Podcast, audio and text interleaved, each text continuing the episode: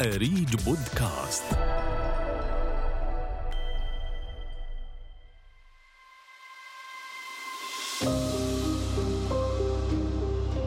شهد الأردن نمواً هائلاً في التعليم الجامعي خلال العقود الأربعة الماضية. حيث تأسست أولى الجامعات الحكومية.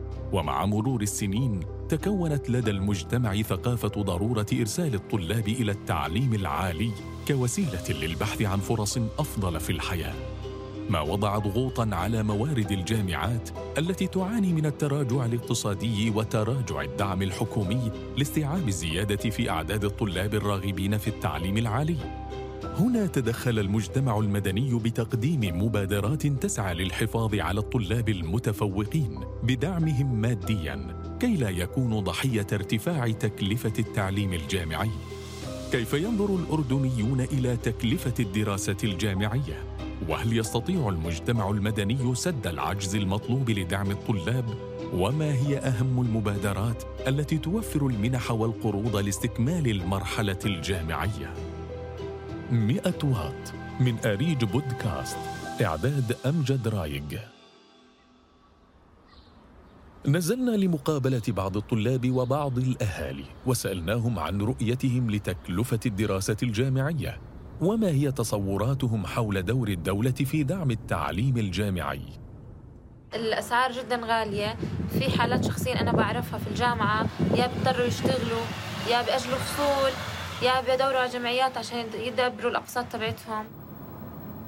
سعر الساعة والدفع الواحد بدفعه ما بيلاقي مقابله الخدمات والمرافق المريحة. أنا بشوف الأسعار غالية حتى يعني في الجامعات الخاصة كتير كتير غالية حتى البرنامج الموازي يعني أنت عندك اللي اللي أبوه وأمه بيشتغلوا وصار يعني الطالب الجامعي عبء على الأسرة أصلاً. يا ريت إنه يكون في جهة رقابية تابعة لوزارة التعليم العالي تابع هاي الأمور حتى يتمكن كل طالب آه، مقبل على المرحلة الجامعية إنه يدخل تخصص يفيده في حياته العملية. يعني أنا من حق كمواطن أردني أو مواطنة أردنية إني أعيش حياتي بكل رفاهية واتقبل تعليمي وأخذ حقي زي زي غيري. أنا بشوف إنه أنا كطالب أردني من حقي إنه أتعلم بالمجان زيي زي أي طالب برا. التكلفة مرتفعة وعلى الدولة التدخل تلك كانت رؤية الطلاب والأهالي. فإذا فرضنا أننا أمام وضع اقتصادي حساس والدولة تقدم الدعم الذي تستطيع والجامعات قدمت بعض الأفكار لزيادة دخلها مثل التعليم الموازي. فكيف يمكن للمجتمع أن يتدخل ويوفر بعض الدعم للطلاب من خلال الدور الاجتماعي للشركات والمؤسسات الخاصة؟ وصلنا للسيد عمر عايش رئيس مجلس إدارة شركة نوبلز العقارية التي لها باع طويل في القيام بدورها الاجتماعي في دعم المجتمع بتوفير منح تعليمية. وسألناه عن أفكار الشركة وخطتها في هذا الصدد.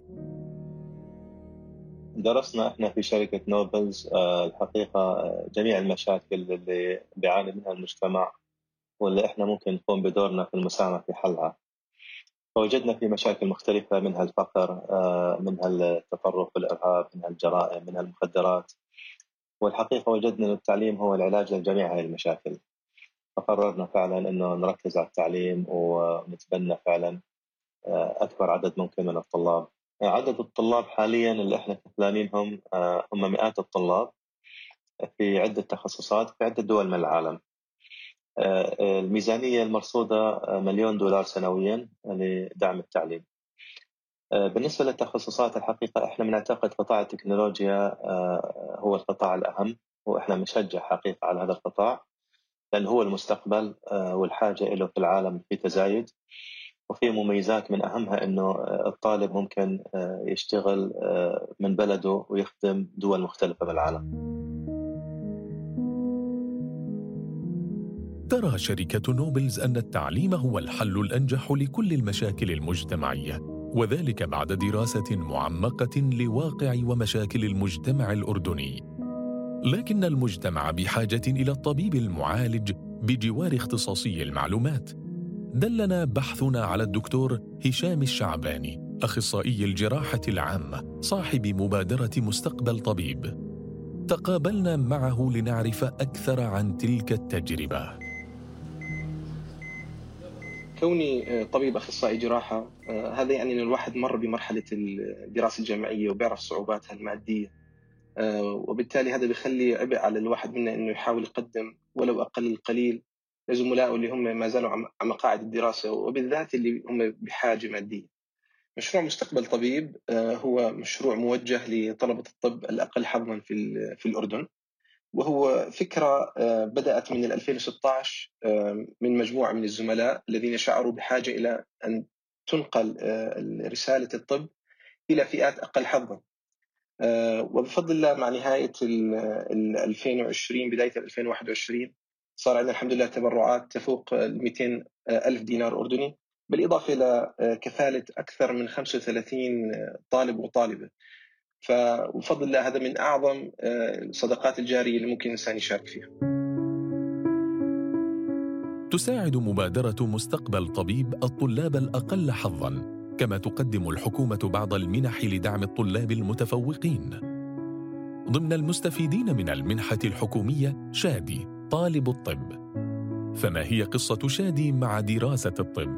وكيف تمكن من الحصول على منحة حكومية؟ وما هي أحلامه للمستقبل؟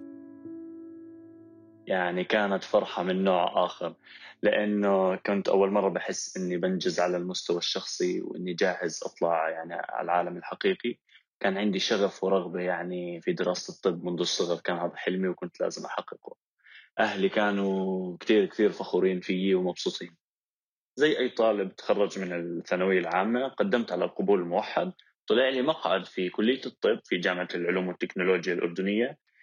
أول فصل دفعت أنا على حسابي. بعدين دكتوري دلني إنه في القروض والمنح من التعليم العالي. الحمد لله طلع لي منحة وأنا هلأ بدرس على حسابهم. الطب مهنة إنسانية في أساسها وأنا حابب إن شاء الله إني أعالج المرضى خصوصا المرضى غير المقتدرين بإني أعمل أيام مجانية في الأسبوع. ولكن بما إنه التعليم في صلب هذا الموضوع بحس مش أهم إشي إني أرجع المنحة للمتبرعين أو للناس اللي ساعدوني أدرس أو الحكومة ولكن إني أنا أساعد طلاب آخرين غير مقتدرين بدراسة الطب في المستقبل إن شاء الله.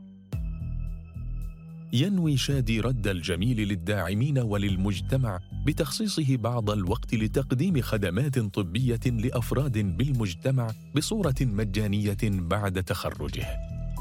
لكن هناك فكرة أخرى لدعم الطلاب مختلفة عن تقديم المنحة التي لا ترد. تقوم بها جمعية سنحيا كراما. فما هي تلك الفكرة؟ تقابلنا مع براء البراهمة مسؤولة قسم طلاب العلم في الجمعية لنتعرف على طريقتهم في دعم الطلاب والمشاكل التي يواجهونها.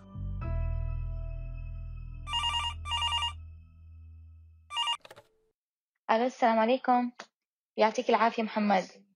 أه محمد معك براء من جمعية سنحيا كراما من قسم التعليم. حضرتك مقدم عنا طلب على الموقع. تمام. طب في مجال نرتب معك موعد يوم السبت إن شاء الله الساعة 11 ونص صباحا. تمام. في مقر الجمعية في جبيها ويعطيك ألف عافية.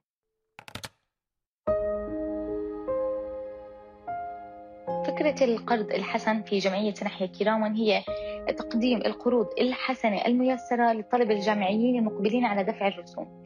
فكرة هذا الصندوق أنه الطالب بيكون غير قادر على تأمين القسط الكامل بتقدم له إياه الجمعية على شكل قرض حسن بيقوم الطالب بإعادة هذا القسط على شكل أقساط ميسرة. من خلالها بتقوم الجمعية بإقراض طالب آخر.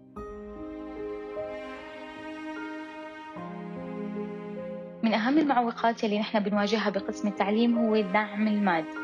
بسبب آه، رؤية واتجاهات المتبرعين والداعمين نحو المشاريع الإغاثية بشكل أكبر. آه، بنتمنى يكون في داعمين لقسم التعليم يكون في اهتمام متزايد بهذا القسم بالإضافة أنه التعليم هو قوة للمجتمع.